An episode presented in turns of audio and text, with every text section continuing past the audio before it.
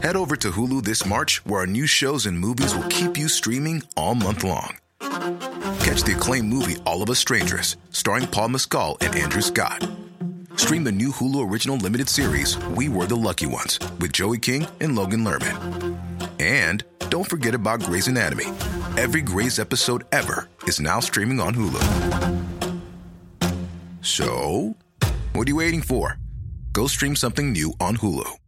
If you thought the only way to get a more defined jawline with natural looking results was through surgery, think again. Juvederm Volux XC is a non surgical injectable gel filler that improves moderate to severe loss of jawline definition and can help you achieve natural looking results with little downtime. Even better, this improved definition lasts up to one year with optimal treatment. No maintenance required. Improve jawline definition for a smooth, sculpted look with Juvederm Volux XC. For important safety information and to find a licensed specialist, visit juvederm.com. That's J U V E D E R M.com. Not for people with severe allergic reactions, allergies to lidocaine, or the proteins used in Juvederm. Common side effects include injection site redness, swelling, pain, tenderness, firmness, lumps, bumps, bruising, discoloration, or itching. There's a risk of unintentional injection into a blood vessel, which can cause vision abnormalities, blindness, stroke, temporary scabs, or scarring. Talk to a licensed specialist specialist to find out if it's right for you. Ryan Reynolds here from Mint Mobile. With the price of just about everything going up during inflation, we thought we'd bring our prices down. So to help us, we brought in a reverse auctioneer, which is apparently a thing. Mint Mobile unlimited premium wireless. Ready to get 30, 30, to get 30, bit to get 20, 20, 20, to get 20, 20, to get 15, 15, 15, 15 just 15 bucks a month. So, Give it a try at mintmobile.com/switch. $45 up front for three months plus taxes and fees. Promoting for new customers for limited time. Unlimited more than 40 gigabytes per month. Slows. Full terms at mintmobile.com. Helt siden de første menneskene slo seg ned i Trøndelag, har det blitt observert underlige lys over Hessdalen. Fenomenet har blitt forsøkt bortforklart som syner sett av bygdetullinger og deliriske hallusinasjoner forårsaket av den lokale drikkekulturen. Men det skulle vise seg at fenomenet stakk langt dypere av når Hessdalen-fenomenet fikk verdensomspennende oppmerksomhet i ufo-miljøet på 1980-tallet. Fenomenet er fremdeles der, og det er fremdeles like uforklarlig som den gang. I 2024 kommer en podkastserie i seks deler produsert av Project Hessdalen, som kanskje en gang for alle skal finne svar på hva som rører seg på himmelen i denne bortgjemte dalen i Trøndelag.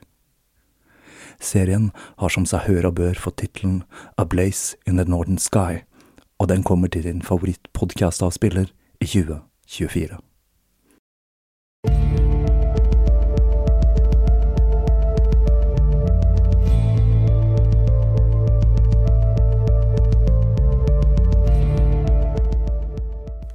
Hei og velkommen til Tåkeprat. Jeg heter Even, og når jeg tar opp denne episode 231, er det tirsdag den 19. desember 2023. Endelig var tiden inne for en ny juleprat. Siste år valgte jeg jo å la denne tradisjonen ligge på grunn av episode 200, og jeg oppsummerer samtlige 200 episoder. Jeg gjorde den en gang live på Kafé Hærverk, og en gang med bål i skogen. Det var stas, men jeg merker at jeg savner å lage en årskavalkade. For som jeg helt sikkert har nevnt tidligere, så er jeg over gjennomsnittet glad i kavalkader, selv om jeg ikke helt klarer å sette fingeren på hvorfor. Det føles litt som om det har en sammenheng med dragningen jeg har mot programmer som Norge Rundt, enda en ting jeg ikke helt klarer å forklare hvorfor jeg har. Det å sette av litt tid til å reflektere over hva som har skjedd i året som er gått, kan jo være en nyttig øvelse for noen og enhver. Selv så sliter jeg nesten litt med å huske hva jeg gjorde i 2023, utover de åpenbare tingene som jobb og podkast.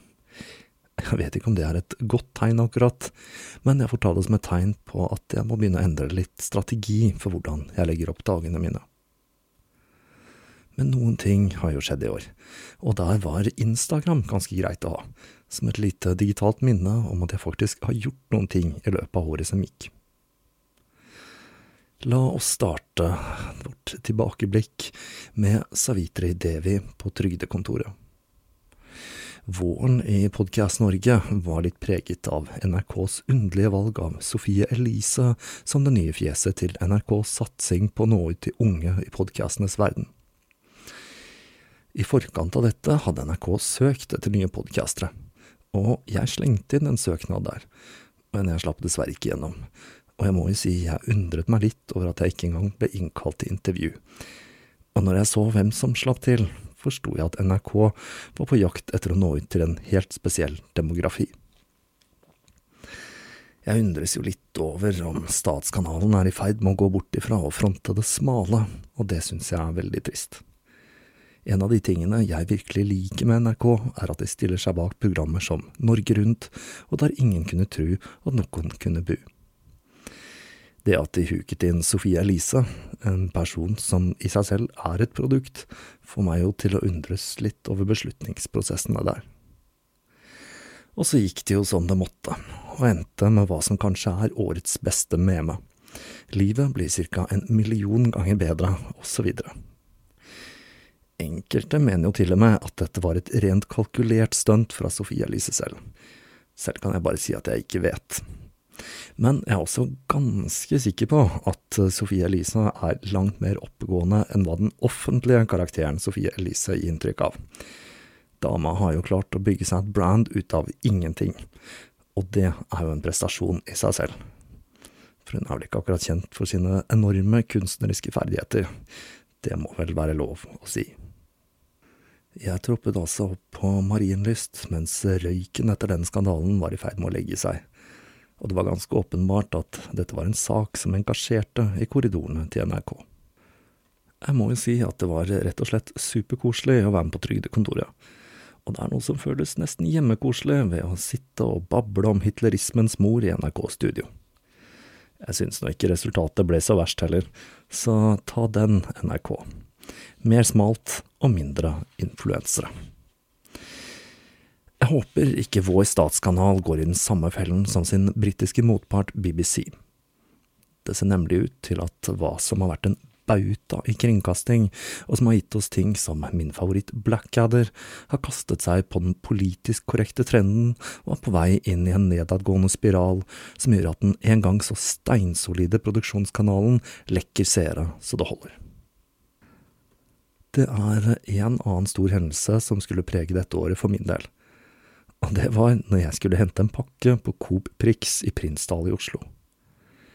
Litt sliten etter en lang arbeidsdag klarte jeg kunststykket å kjøre over en betongkant med min 2015-modell Fiat 500E. Jeg skal ikke gjenfortelle hele den historien her, men kort fortalt fikk jeg en telefon fra forsikringsselskapet noen måneder senere.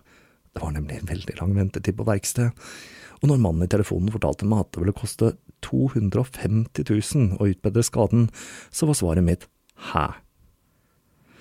Det viste seg nemlig at batteriet hadde fått seg en skade, og det var grunnen til den litt over gjennomsnittlig høye prisen for å rette opp et par lister.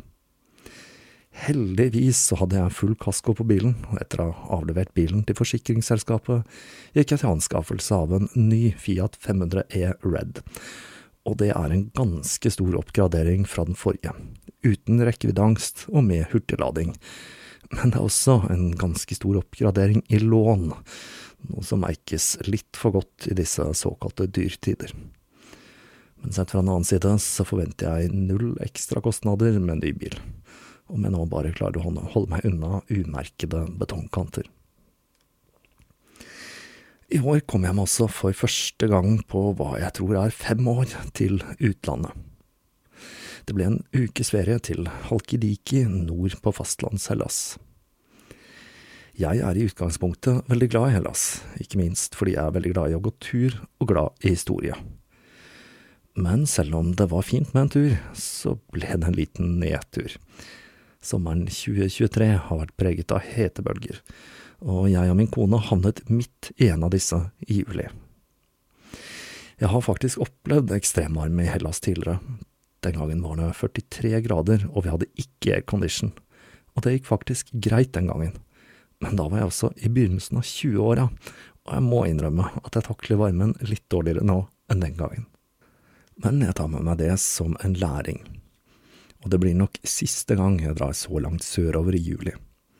Svalbard er plutselig blitt et langt mer forlokkende reisemål, selv om jeg har hørt at juli nok ikke er den beste måneden å besøke øygruppen.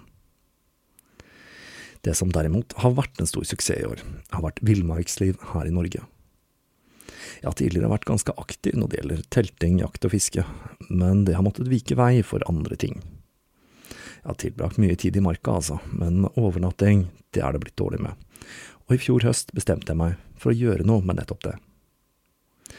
Det har skjedd ganske mye på utstyrsfronten siden sist jeg overnattet i skauen, og det har blitt mange turer for å finne ut hvilket utstyr som passer meg og mitt bruk.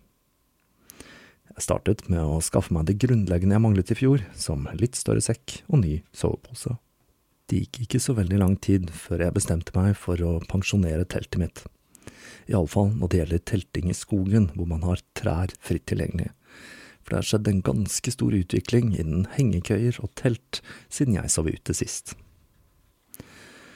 For meg så betyr det å sove i køye en betraktelig komfortøkning, og det gjør at denne berømte dørstokkmila blir mye kortere. Etter denne sommeren har jeg fått på plass flere ting, som myggnett, tarp og et svært så nyttig vannfilter. Det har blitt en rekke ulike typer turer, enten med andre eller alene. Blant annet så hadde jeg en testtur en dag det var skikkelig drittvær, for å se hvordan jeg taklet det. Det var en tur jeg måtte ta på egen hånd, men utstyret besto testen, så ruskevær er ingen hindring, så lenge det ikke er minusgrader. Det er sikkert noen av dere der ute som syns jeg er pysete, men vintercamping, det er ikke noe jeg kommer til å prøve meg på med det første. Den største utfordringen der er nok at det krever et helt annet utstyr enn hva jeg har til rådighet. Det har også blitt en del gutteturer ut av dette prosjektet, og det må sies at det er få ting som slår det å høre på black metal i skauen nattestid. En annen musikksjanger som har fått sin faste plass på disse turene, er noe så sært som svensk dungeon synth, og da spesielt Ørnatorpet. Så det får bli den første musikkanbefalingen i denne episoden av Juleprat. Ved siden av vraking av bil og teltturer, så er det en hendelse som har utmerket seg som et høydepunkt i år og det var visningen av Lucky på Cinemateket. Det føltes som en slags bisarr drøm som ble til virkelighet, og det er kanskje dette Crowley mente når han snakket om sjelevilje.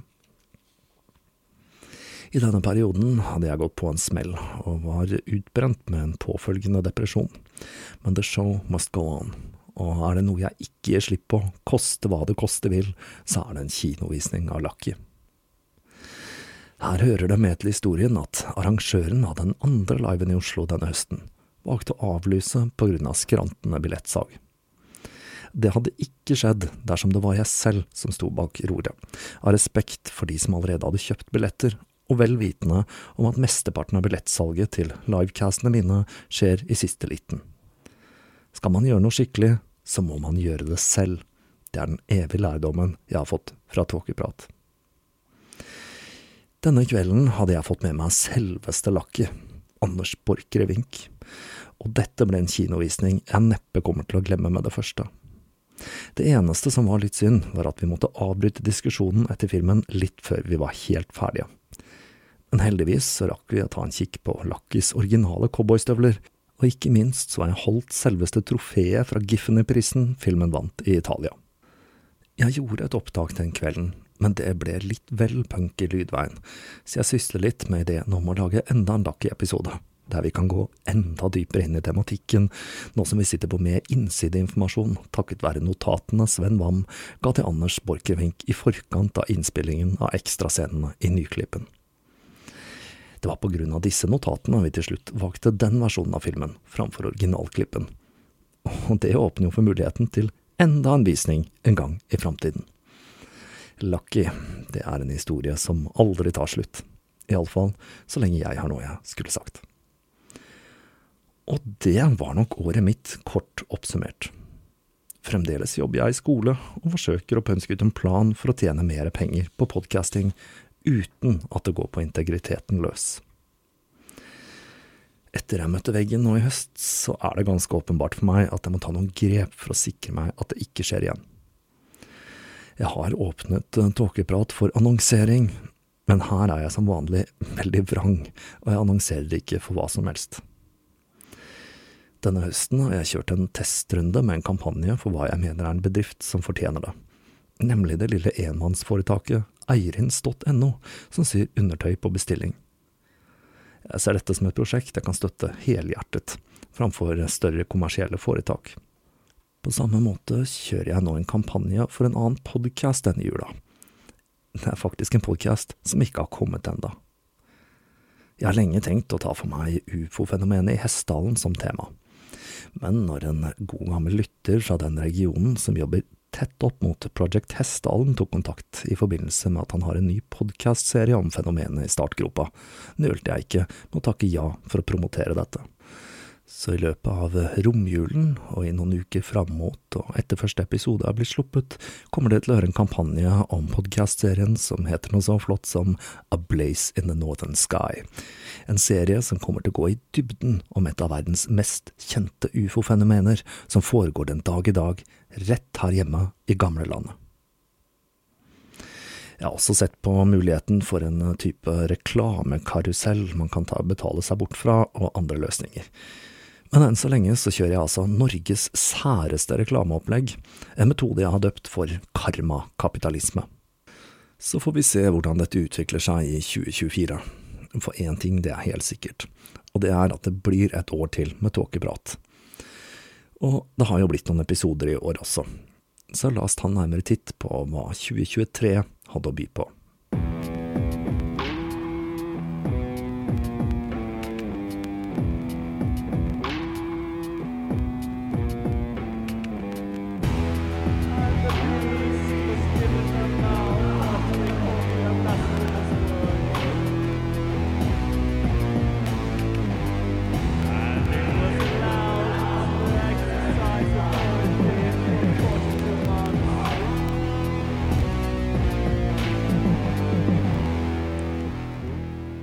Først ut i år var en serie i tre deler, nemlig Nordvestpassasjen, hvor jeg tok for meg de første forsøkene på å finne denne sjøveien til India og Kina.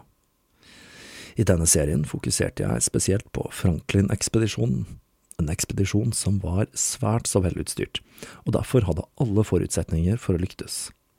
Men slik gikk det altså ikke, og det skulle gå år før man fant ut hva som hadde skjedd med denne skjebnesvangre ekspedisjonen. Jeg vet at det er mange av dere lyttere som liker denne typen serier, om villmarksliv og ekspedisjoner som ikke går helt som planlagt, så jeg satser på å få til noe slike i løpet av 2024 også. Denne gangen var det noe uventet som skulle få en stor konsekvens for mannskapet til Franklin.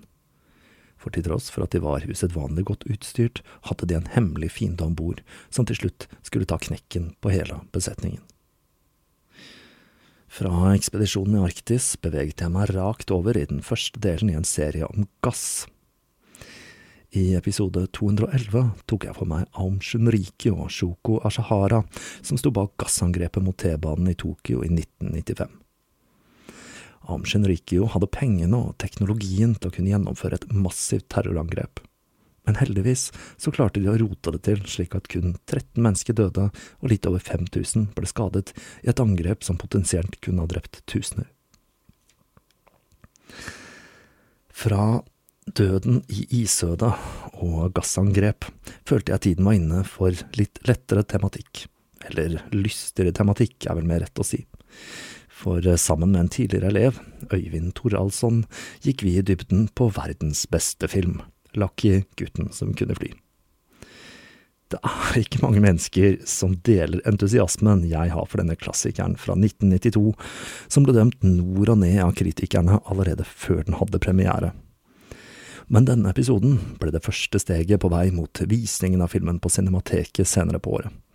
Og jeg føler meg ganske sikker på at dette ikke blir siste gang vi kommer til å lage en episode om Lucky for her føler jeg det nærmest som en plikt å løfte denne filmen opp og fram i rampelyset. Jeg må jo si at denne filmen har fått enda flere stjerner i boka hos meg etter kinovisningen. Og som nevnt tidligere føler jeg jo at det er på sin plass med en visning av originalklippen også.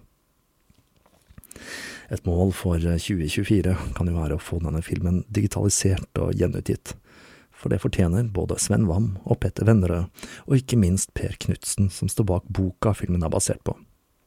Dessverre er ikke noen av dem blant oss lenger, men dette er et norsk kulturminne vi ikke kan slippe tak i. Når endelig denne drømmeepisoden om Lucky var i boks, var tiden inne for å gyve løs på den andre delen i Gass-serien. Og denne gangen valgte jeg enkelt og greit å kalle episoden for Gass. I denne episoden tar jeg for meg hvordan tabuet mot kjemiske våpen ble brutt under den første verdenskrig, og hvordan dette endte i et kjemisk våpenkappløp. Jeg har lenge tenkt på å lage en serie rundt bruken av gass i skyttergravene, og det er godt mulig jeg går enda dypere inn i denne tematikken ved en senere anledning. Men enn så lenge så har dere denne godbiten om utviklingen og bruken av ting som klorgass og sennepsgass. I den neste episoden så jeg på den videre utviklingen av kjemiske våpen i episoden jeg valgte å kalle Tabuen, etter nazistenes nervegass med samme navn for man sluttet jo ikke å sysle med kjemiske våpen etter første verdenskrig. Man kan si det sånn at det var ren og skjær flaks som gjør at vi ikke har hatt storskala krigføring med kjemiske våpen siden den gang. Nervegass har blitt brukt et par ganger, som ved T-banen i Tokyo og av Saddam Hussein mot kurderne. Men utover det har vi altså blitt spart for bruken av kjemiske våpen i stor skala i krigføring.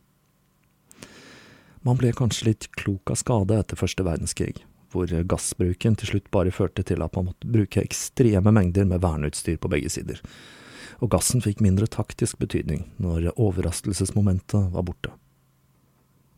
Etter episoden om gass bestemte jeg meg for igjen å ta for meg en forfatter. Denne gangen ble det Lafkadio Hearn, en gresk-irsk forfatter, som utrolig nok ble en viktig konservator av japansk folklore. Dette er en ganske spesiell historie, og forfatterskapet til Hørn er et jeg kan anbefale til alle som liker japansk folklore og skrekkfortellinger. Så var tiden kommet for å gyve løs på en av årets største serier, da jeg endelig tok mot til meg og kastet meg over en biografi jeg hatt stående i hylla en stund. Bare navnet Marquis de Sade vekker assosiasjoner hos mange, og han blir nok knyttet opp til BDSM-miljøet på mange måter men den faktiske historien om Saad den er langt mer komplisert. Denne franskmannen, som tilbrakte mesteparten av livet sitt bak murene, var en slags filosof hvis hovedfokus var menneskelig perversjon. Saad sitt rykte vokste seg enormt i løpet av livet hans, og selv om han ikke akkurat var en flott fyr, så var myten om ham langt verre enn mannen selv. Saad var nå så til de grader selvdestruktiv, og hadde han bare klart å være et hakk eller mer diskré, så hadde han neppe blitt den store historiske skikkelsen han er i dag. En ting som var spesielt fascinerende med å jobbe med livshistorien til Saad, er at jeg fikk et innblikk i hvordan livet var i Frankrike under revolusjonen. Jeg visste jo at dette var en forholdsvis brutal affære fra før, men det er ikke før man leser beskrivelser av hva som foregikk, man forstår hvor ille det faktisk var. Her snakker vi altså om rennesteiner som fløt over av blod, og en stemning som gjorde at hvem som helst, når som helst, kunne bli anklaget for å være en fiende av folket og bli henrettet.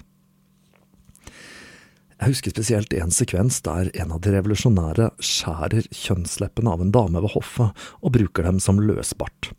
Det var rett og slett scener som kunne måle seg med skriveriene til Saad selv. Det er jo et tankekors her at de som lever i Frankrike i dag, er etterkommere av de som overlevde denne masseslakten. Og jeg må jo si at jeg tenker i mitt stille sinn at dette kan være en av årsakene til at franskmenn er særskilt glad i opptøyer. Bare en sånn liten observasjon fra meg der. Når det gjelder litteraturen til Saad, så er det neppe så mye annen litteratur som kan måle seg med den når det gjelder å utforske de mest ekstreme aspekter av menneskelig perversjon. Om du skulle ha lyst til å skape litt dårlig stemning, så er det bare å gå til anskaffelse av Sads hovedverk, Sodomas 120 dager. En bok han skrev mens han satt fengslet i Bastillen, og som bare grunnet flaks overlevde fram til vår tid. Selv i disse dager hvor vi blir eksponert for all verdens grusomheter på nett, vil nok den fremdeles gjøre sterkt inntrykk på de aller fleste. Serien var uansett et artig gjensyn med barokkens Frankrike. Etter å ha tråklet meg gjennom Sads perversiteter i hele seks episoder, tok jeg for meg et litt enklere tema i episoden Joanna, som handler om Joanna Dennehy, hva vi må kunne kalle for ei ganske fæl britisk dame. I 2013 dro hun på et drapstokt som skulle sørge for at hun havnet bak lås og slå, uten noen muligheter for løslatelse med det første. Men det var ikke fortellingen om Joanna som skulle engasjere mest ved denne episoden. Det er sjeldent jeg kommer med politiske utspill her i Tåkeprat. Sist var vel jeg nevnte boka Fire and Fury om Donald Trump, hvor jeg fikk de norske Trump-supporterne på nakken. Denne gangen måtte jeg lufte frustrasjonen min over de norske medienes dekning av krigen i Ukraina. For dette er første gang jeg opplever at mine egne myndigheter har drevet med hva jeg opplever som ren krigspropaganda. Og jeg står fremdeles for det jeg sa, og jeg ser fremdeles ikke noe lys i tunnelen eller håp om en total seier for Ukraina. Derimot så står det ganske klart for meg at dette er en tragedie hvis skadeomfang kunne vært unngått dersom partene hadde gått inn i en fredsavtale i begynnelsen av krigen, når Ukraina klarte å bite skikkelig fra seg og det var usikkert hvordan det hele ville utvikle seg. Nå har jo mediesyklusen gått videre, og det er full fokus på krigen i Midtøsten, men krigen i Ukraina, den fortsetter den, med stadig mindre vestlig støtte. Og prisen for krigføringen blir stadig høyere. Ikke bare i form av økonomiske nedgangstider, men selvsagt også i form av menneskeliv og infrastruktur. Man sier jo at den mest kostbare delen av krigføring er oppbygging i etterkant, og dit er vi jo ikke kommet ennå. Til neste år har USA hva som blir et skjebnesvangert valg. Jeg kan ikke annet enn å tenke i mitt stille sinn at dersom de to beste kandidatene til presidentembetet er det de har klart å hoste opp nå, så bør vi være svært bekymret for framtiden til USA. Slik det ser ut nå, så ligger Trump an til å vinne på meningsmålingene, og dersom han vinner valget, forsvinner nok mye av pengestrømmen til Ukraina fra USA. Så om det ikke blir inngått noen kompromisser eller forsøkt å fremforhandle noen løsning der, så tenker jeg vi kommer til å få en ganske brutal slutt på den krigen i 2025. Jeg fordømmer jo selvsagt det opprinnelige angrepet på Ukraina på det sterkeste, og synes at den samlede støtten til Europa var imponerende. Men rent pragmatisk så ser jeg ingen vei utenom et kompromiss her. Dette satte i gang sterke følelser der ute, og jeg har fått en rekke tilbakemeldinger, både av det svært gjennomtenkte og reflekterte slaget, til hva jeg vel må kunne kalle mindre gjennomtenkte refleksive reaksjoner. Og jeg tenker jo at dette er en indikasjon på at jeg hadde rett når jeg mener at norsk presse har benyttet seg, bevisst eller ubevisst, av propaganda for å hause opp krigsstemningen, og at det er mange mennesker som har latt seg påvirke her. Det er liksom ingen overraskelse at Russland peiser på med propaganda, men det at det skjer her i lille Norge, det overrasker meg litt. Det er kanskje jeg som er naiv. Men nok om den saken. Etter episoden om Joanna Dennehy kastet jeg meg rett inn i en ny, kjempelang serie. Denne gangen var det ingen ringere enn Nikola Tesla som skulle under lupen. I årenes løp har jeg fått en rekke forespørsler om å ta for meg nettopp ham, og jeg hadde allerede, allerede lest en rekke biografier om Tesla før jeg nå valgte å gå skikkelig i dybden for å finne ut om mannen faktisk hadde snakket med romvesener og funnet en kilde til evig gratis energi. Uten å ha med for mange spoilers her, så må jeg jo si at det endte opp med omtrentlig det samme bildet av Tesla jeg hadde før jeg startet serien. Det jeg lærte som var nytt, er at Welsh Rabbit er et ostesmørbrød og ikke kanin, at børsen krasjet gang på gang av enkeltpersoners påfunn i Teslas tid, og ikke minst at reklame har vært en del av radiomediet helt fra begynnelsen av. Som forventet fant jeg ut at Tesla, jo, han var et geni, men med svært høytsvevende ideer og idealer, men han manglet den forankringen som ville gjort det mulig å sette ideene hans ut i livet, noe mange av konkurrentene hans så sitt snitt til å utnytte. Og det var faktisk en konspirasjon mot Tesla og arbeidet hans men det betyr ikke at ideen hans om gratis energi overført trådløst til hele verden var plausibel på hans tid. Mot slutten av livet gikk det nedover med Tesla. Han ble mer og mer eksentrisk, og han begynte å foretrekke selskapet til duer framfor mennesker. Selv om mytene om Tesla og alle konspirasjonsteoriene som florerer rundt ham nok ikke har så mye rot i virkeligheten, er det nok liten tvil om at Teslas tidlige arbeid med vekselstrøm var en ekstremt viktig faktor i elektrifiseringen av det moderne samfunnet. Mens jeg spilte inn denne episoden, snublet jeg altså over en av livets fartsdumper, ble utbrent.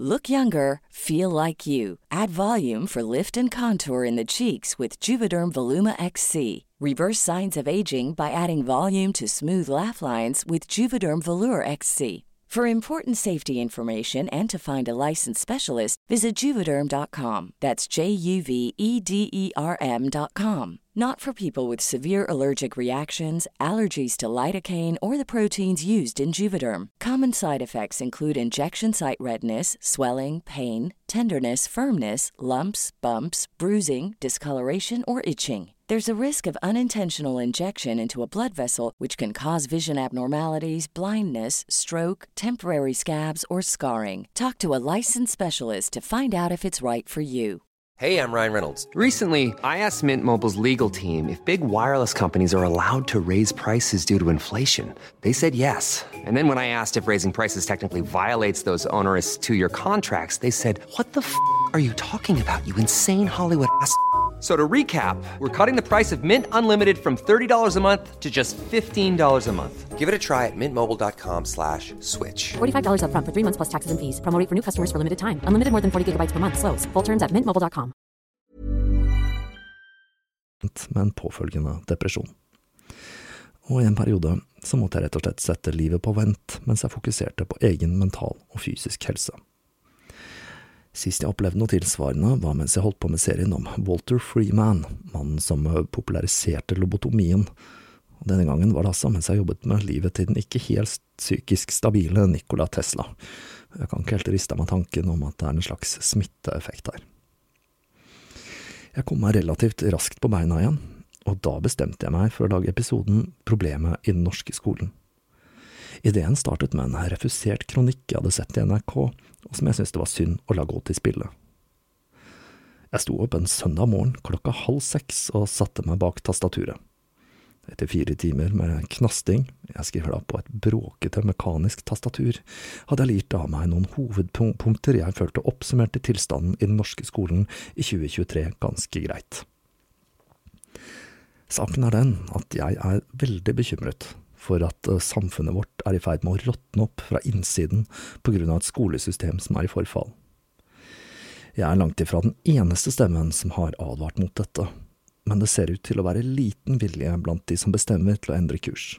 Her er det bare mer av den samme medisinen som har gjort institusjonene slik den er, som blir gitt. Den enhetlige skolen, der alle, uansett diagnose, faglig nivå eller andre spesielle utfordringer eller evner, skal for enhver pris kjøres gjennom den samme mølla, er i ferd med å underminere hele samfunnet vårt. Så sterkt vil jeg faktisk si det. Denne episoden var mitt beskjedne bidrag til den debatten i 2023. Så får vi se, da, hvordan tingenes tilstand blir når de små podene en dag skal ut i samfunnet. Årets siste ordinære episode var episode 230, Tarot, og jeg tok for meg historien og divinasjonsbruken til denne fascinerende kortstokken. I tillegg, egentlig utilsiktet fra min side, kan denne episoden også by på enda en tirade om Graham Hancock og Wikipedia. Det er mulig at det er en tråd jeg kommer til å plukke opp igjen i 2024. Og nå står vi altså her, ved slutten av 2023, med episode 231. Pandemien er for lengst over og klemt av mange, mens krigen i Ukraina fortsatt raser og Midtøsten atter en gang står i brann.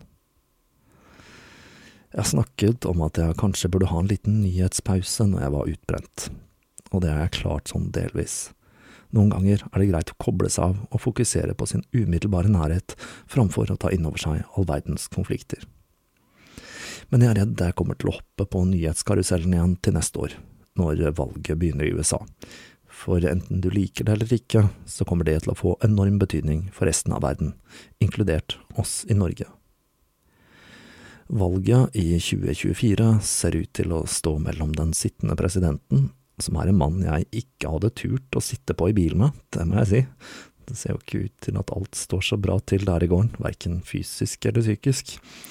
Og Trump, som er en ultranarsissist, og som hvis han blir valgt, kommer til å hive enda mer bensin på det store polariseringsbålet som er USA. Det er virkelig som å velge mellom pest og kolera. Det er en annen kandidat på sidelinja som jeg nesten syns jeg bør nevne, og det er jo denne Robert Kennedy jr., som er nevøen til JFK. Han er interessant fordi han har bestemt seg for å bruke ukonvensjonelle plattformer som podcaster i valgkampen sin. Jeg har hørt meg gjennom mange av intervjuene med han, og jeg må si at han har mye fornuftig å komme med når det gjelder amerikansk innenriks- og utenrikspolitikk. Jeg skulle bare ønske han kunne la den vaksinegreia ligge, og jeg er redd at det blir en av de tingene som kommer til å bli brukt mot han.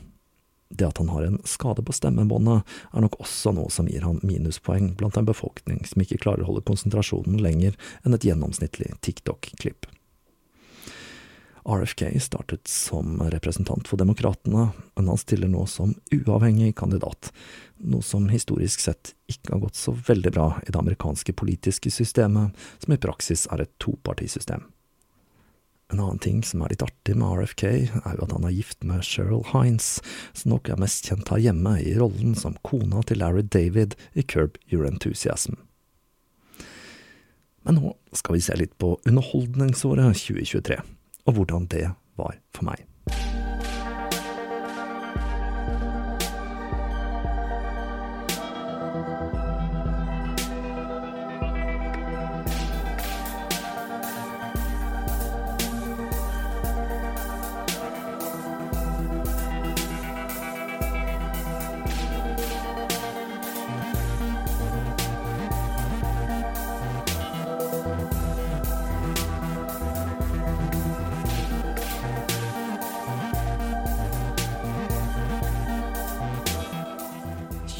2023 kommer for all tid til å stå i dataspillenes tegn for meg.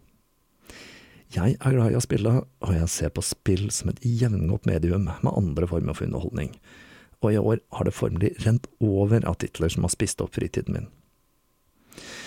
Min foretrukne spillmaskin, det er PlayStation 5, men spillet som først tok meg med storm i år, det var til Nintendo Switch, og det var nemlig Selda Tears of the Kingdom. Jeg har spilt en hel haug med Zelda-spill tidligere, og kommet meg gjennom noe sånt som halve serien.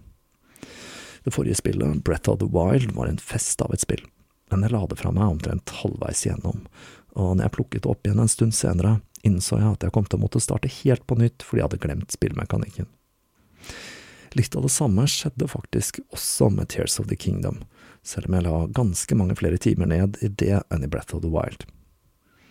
Tears of the Kingdom er kort fortalt et nærmest perfekt rollespill.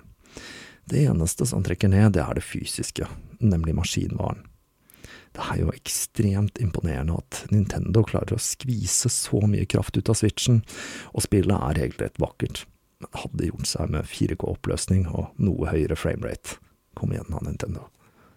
Utover det så er spillet en perfeksjonering av det som startet i Breath of the Wild, og spillet klarer å fremstå som nyskapende og nostalgisk på en og samme tid. Nintendos tid er absolutt ikke forbi for de som lever i den villfarelsen. Årsaken til at jeg ga meg omtrent to tredjedeler ut i spillet, den har et navn, og det er Diablo 4. Dette er en traust spillserie som stort sett har levert knallgode dungeon crawlere. Jeg sier stort sett fordi de hadde en fadese med dette mobilspillet Diablo Immortal, som benyttet seg av en pay to win-spillmekanikk, noe som gjør at jeg og mange med meg skygget det spillet som pesten. Men Diablo 4 er heldigvis et helt annet spill, som i stor grad plukker opp tråden og stemningen fra Diablo 2. Spillet er designet av Blizzard, som står bak gigantiske titler som World of Warcraft og Overwatch, så jeg var vel vitende om at jeg utsatte meg selv for digital crack når jeg begynte å spille dette. Min beskrivelse av Diablo er at det er som å spille matematikk i bevegelse, uendelige muligheter for variasjon. Og det ble mange, altfor mange timer med Diablo i år. Jeg synes at det er et pluss at Diablo er et spill det går an å spille uten lyd om man spiller alene, så det går an å kombinere med å høre podkast og lydbok, noe som sikkert har doblet antallet timer jeg har brukt på spillet. Her kan jeg også skyte inn at dette er faktisk Elon Musks favorittspill om dagen, enten du nå syns det er positivt eller negativt. Et artig fun fact er det nå uansett. Fra Diablo gikk jeg rett over til et annet gigantisk rollespill, nemlig Boulders Gate 3, et turbasert RPG basert på Dungeons and Dragons. Og det må jeg si, Boulders Gate 3 er ikke noe mindre enn fantastisk. Heldigvis så slutter spillet når man har gjennom historien, hvis ikke så hadde jeg nok spilt det enda. Det skal visstnok være noe så mye som ca. 17 000 ulike variasjoner av historien, alt ettersom hvilke valg man tar i løpet av spillet. Noe som jo gjør at jeg kanskje kommer til å plukke opp igjen dette ved en senere anledning. Og når jeg var ferdig med Boulders Gate, så trengte jeg litt digital nedtrapping og jeg endte opp med å kjøpe noe så traust som Street Fighter 6, fordi det er et spill som har fått veldig god kritikk, og som jeg trodde ikke skulle bli et tidsluk. Men der tok jeg jo feil, da. Fordi Capcom, som lager Street Fighter-serien, har nemlig laget noe så sært som en RPG-del, hvor man lager en avatar som går rundt og skal løse ulike oppgaver, og bygge seg opp ulike kampsportskills og utstyr. Jeg må innrømme at jeg falt pladask for det konseptet ikke minst på grunn av den utrolig sjarmerende japanske humoren som gjennomsyrer hele fortellingen. Dette er faktisk noe av det mer originale jeg har spilt på mange år, og dette ble årets store spilloverraskelse for min del. På tampen av året her gikk jeg nettopp til anskaffelse av Cyberpunk 2077, et spill jeg har tenkt å spille i romjula.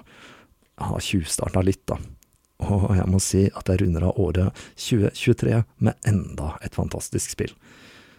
Dette spillet ble lansert for et par år siden, men da var det fullt av feil, og jeg som så mange andre unngikk det på grunn av dette. Men utviklerne har stått på, og nå har feilene glattet ut, og spillet har fått en ny utvidelse som gjør dette til et av de største og mest overbevisende dystopiske science fiction-spillene jeg har spilt. Det er en slags blanding av Grand Theft Auto og Fallout satt i scenarioet til Blade Runner, og det er en kombinasjon som faller i smak her i gården.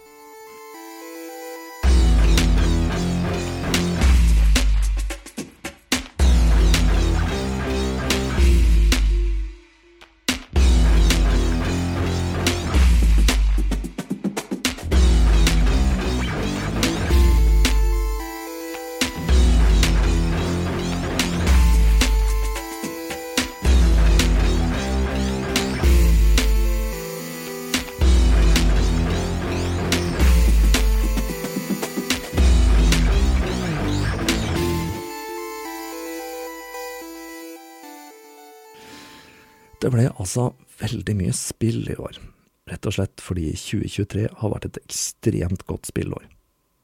Men nå skal vi se på et par andre medier jeg har brukt i år, og da er det naturlig å først ta for meg årets favorittpodcaster. Det aller første jeg må bemerke når det gjelder podcaster i år, er at jeg syns at uh, Joe Rogan Experience har vært litt daffere i år enn tidligere. Jeg har en liten teori om at det kan skyldes at Rogan har startet sin egen komiklubb i Austin, og velger å fokusere mer energi der. Men noen gullkorn har det jo absolutt vært fra den kanten. Men jeg må si at jeg har ikke hørt mer enn ca. én av fem episoder i år. Høydepunktet var nok episoden med den tidligere nevnte Graham Hancock. En podkast som derimot har vært en funklende stjerne på podkasthimmelen i år, er The Tim Dylan Show. Det er ikke mange podcaster hvor jeg går og venter på nye episoder, men dette er en av dem. Jeg har snakket om eh, Tim Dylan sin podkast her i Tåkeprat tidligere, og som sagt så er nok ikke dette en podkast for alle. Men jeg for min del, jeg elsker blandingen av satire, karakterer og sosiale og politiske skråblikk gitt på den minst tenkelig politisk korrekte måneden. Siden podkasten stort sett kun er Tim Dylan som sitter og rabler om tingenes tilstand, så er det ikke alle episoder som treffer like godt, men de som gjør det, er rett og slett utrolig gode. Jeg vil strekke meg så langt som å si at i 2023 er Tim Dylan som har sittet på humorpodkast-tronen. Og er det noe vi virkelig trenger i dag, så er det noen som tør å strekke strikken litt lenger enn alle andre, og det gjør Tim Dylan. Om det er noe jeg har å utsette på podkasten hans, så er det de slitsomme reklameavbrekkene, selv om Dylan gjør det beste han kan ut av det. Enda en podkast jeg har nevnt før her i Tåkeprat, men som jeg trygt kan anbefale igjen, er The Witch Trials of JK Rowling, som tar for seg alt kontroverset rundt forfatteren av Harry Potter. Rowling ble først angrepet av de kristenkonservative på høyresiden, og nå i senere tid av transaktivister på venstre. I denne serien får vi høre både Rowling og motstanderne hennes argumentere, og jeg synes dette er en ekstremt god podkast-dokumentarserie. Ikke minst siden intervjueren er Megan Phelps Roper, som er en utbryter fra The Westborough Baptist Church, en historie som i seg selv er svært interessant. Så bra syns jeg den serien er at jeg har hørt hele greia to ganger. En annen podkast som har fått mange timer på øret her i år, det er Triggernometry. En britisk podkast drevet av de to standup-komikerne Konstantin Kissin og Francis Foster. Dette er en samfunnskritisk og politisk podkast, hvor man kan høre lange, dype samtaler med personer fra alle politiske retninger og med vidt forskjellige ståsteder. Dette er enkelt og greit noe vi trenger mer av i samfunnet, og det er et flott sted å starte dersom man ønsker å ha fingeren på pulsen til hva som rører seg i samfunnsdebatten. Det har blitt en del timer med Lex Friedman i år også. Han har hatt noen til dels ekstremt kjente personer på i år, som ingen ringere enn Benjamin Netanyahu. Men jeg tror de episodene jeg har satt aller mest pris på, er de der han snakker med forskere som driver helt i ytterkant av fysikk og biologi. Lex har uansett en av de aller beste podkastene i verden i dag. Til slutt vil jeg også gi en ekstra honnør til Making Sense med Sam Harris. Jeg har vært litt av og på abonnementstjenesten hans, men eh, nå abonnerer jeg igjen. Stemmen til Sam er veldig fin å ha når det stormer som verst i verden. Det er ikke alle synspunktene hans jeg deler, men det er få som klarer å legge fram så gode argumenter på en like reflektert måte som Sam Harris. Det er også ganske eksepsjonelt at han har laget sin helt egen plattform og derfor er helt uavhengig, noe som gir han mer tyngde, og det er jo noe å hente litt inspirasjon fra. Og så jo, jeg har en eh, anbefaling til, og det er det at jeg ser at At the Brink har kommet med en ny sesong. Den har jeg ikke hørt selv enda, men jeg kommer nok til å høre den i romjula. Dette er en podcast-serie om atomvåpen, med blant annet William J. Perry, en tidligere amerikansk forsvarsminister. Den første sesongen var iallfall svært så interessant, med tanke på tingenes tilstand når det gjelder atomvåpen, og jeg vil anta at den nye sesongen også holder samme nivå. Når det gjelder film og serier og slikt, så har jeg ikke så veldig mange anbefalinger å komme med i år, og det skyldes nok i stor grad at jeg har brukt skjermtiden min på å spille spill. Men et par anbefalinger har jeg å komme med uansett.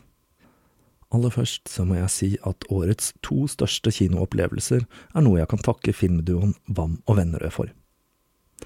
Den første var Den siste filmen, som følger Petter Vennerød på livets siste reise. Dette er en utrolig sterk film som utdyper viktigheten til arbeidet til Wam og Vennerød, i tillegg til å være en varm og trist skildring om en mann som er i ferd med å miste seg selv til atypisk Alzheimer. Det er kona til Petter, Karianne, som står bak filmingen i nåtid, og klippene hennes sklir sømløst sammen med tilbakeblikk på en lang karriere. Det jeg kanskje husker aller best fra filmen, er når Peter Nome gyver løs på filmduoen i hva som må være et av de mest smakløse intervjuene jeg noen gang har sett. Filmen fås nå kjøpt og leid digitalt, så her er det ikke noe å tenke på engang, for dette er et skikkelig gullkorn av en norsk film. Den andre store filmopplevelsen var jo selvsagt å få sett Lucky på kino. Den kan dere dessverre ikke strømme, og den er tatt ned fra YouTube, og det er noe jeg har litt dårlig samvittighet for, siden det sikkert er delvis min feil at den ble oppdaget. Men fortvil ikke, men det når til med prat om Lucky, så skal vi nok få gjort den tilgjengelig igjen. Det gjorde jo ikke opplevelsen noe mindre å se filmen sammen med selveste Lanki selv, og det hører med til historien at vi lo på de samme stedene for det er liten tvil om at selv om noe av dialogen kan bli i overkant klein, så er det mye som er gjort med glimt i øyet her. Som når faren forteller Lakki at han ble unnfanget under en demonstrasjon for selvbestemt abort, hvorpå Lakki forteller Lakki at han aldri ville la en kvinne utføre abort. Men nå skal jeg la Lakki ligge for i år. Den siste tingen på skjerm jeg har lyst til å dele med dere, er tre episoder av youtuberen Bold and Bankrupt. Dette er en britisk fyr, Benjamin Rich, som i en årrekke har drevet en reisevlogg. Jeg har fulgt med kanalen hans en stund, og den er bare å anbefale hvis du liker reiseprogrammer fra litt obskure steder. Tidligere har han nok mest vært rundt i diverse østblokkland og Russland, men etter krigen brøt ut ble han kastet ut av Russland og fikk innreiseforbud. Men han har gjort så mange episoder derfra at det egentlig ikke spiller noen stor rolle. Grunnen til at jeg nevner kanalen hans nå, er at det siste prosjektet hans var å reise flyktningruten fra Venezuela til USA sammen med immigrantene, og det er noe av det mer fascinerende jeg har sett på lenge. Det er helt åpenbart ekstremt farlig, med tanke på at den ruten er kontrollert av kartellene. Det å få se hvordan barnefamilier tar seg gjennom jungelen i håp om et bedre liv i statene, det er ganske sterk kost. Benjamin reiser kun i følge med én annen vlogger, og det har ingen form for sikkerhetsnett, så dette er en reelt fysisk farlig reise, som gir et innblikk i menneskesmugling man sjelden får se andre steder. Så det er en sterk anbefaling fra meg. Bald and bankrupt der, altså, eller skalla og bankerott, om du vil. Og så var det årets musikkanbefalinger. Det er blitt en del ny musikk på meg i år, ikke minst fordi det er blitt mange kvelder og netter i skauen med utveksling av musikksmak. En ny favoritt for min del er svenske Ereb Altor, og da spesielt skiva Vargtimman fra i fjor, og Blot Ilt Taut fra 2016, som er en ren coverskive med batterylåter. Her er vi dypt inne i vikingmetallens landskap, altså. En annen skive som har fått eh, forholdsmessig mye spilletid i bilen min, det er Lucifer 4 av Lucifer fra 2021. Dette er et tysk mann frontet av vokalist Johanna Sadonis, tidligere kjent fra The Oath. Diskografien deres går litt opp og ned, men den siste skiva den finner jeg altså spesielt egnet til bilkjøring, spesielt låt nummer fire, Bring Me His Head.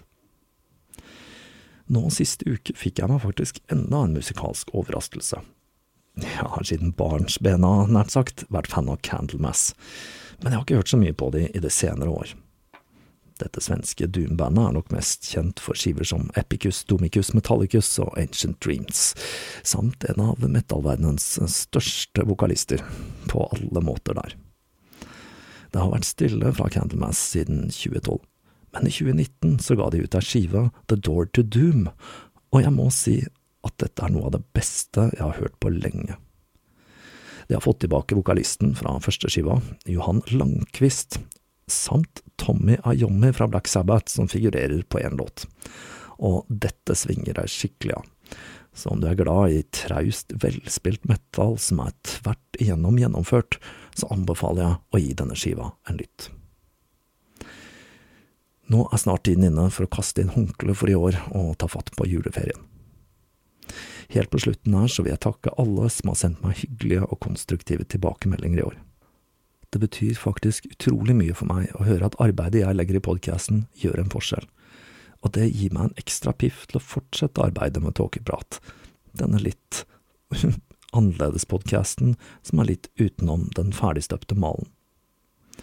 I løpet av året har det også kommet til en del flere patrions, og det er noe jeg er utrolig glad for. Patrion er og forblir den eneste faste inntekten jeg har fra Tåkeprat, og dere som støtter meg der, er med på å sørge for at podkasten forblir et fast innslag i Podkast Norge. Helt til slutt her så vil jeg, tradisjonen tro, avslutte med ei låt. Planen var å bruke en jeg og tåkepratvenn Øyvind Kvalvågnes holder på å spikke i disse dager, men jeg innså at dersom jeg skulle ta med den låta, så kom jeg til å måtte publisere den uferdig om jeg skulle rekke det før jul. Jeg tok derfor kontakt med en gammel kjenning av Tåkeprat, nemlig Lindy Fei Hella, og jeg hørte om jeg kunne spille en av låtene hennes som årsavslutning i år.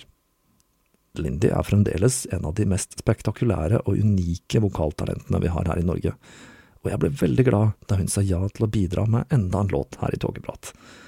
Det begynner jo nesten å bli en tradisjon, dette her. Det finnes knapt noen bedre måte å fordrive det gamle året på og ønske det nye velkommen. Og da gir jeg dere det siste sporet fra skiva, Hildring. Gjelle. God jul og godt nytt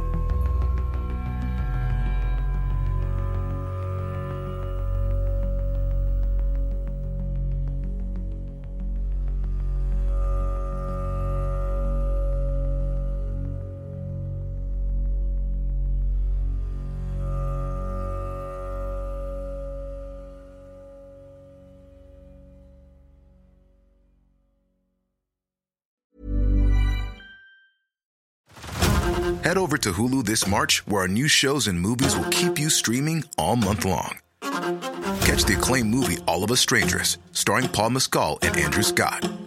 Stream the new Hulu original limited series We Were the Lucky Ones with Joey King and Logan Lerman.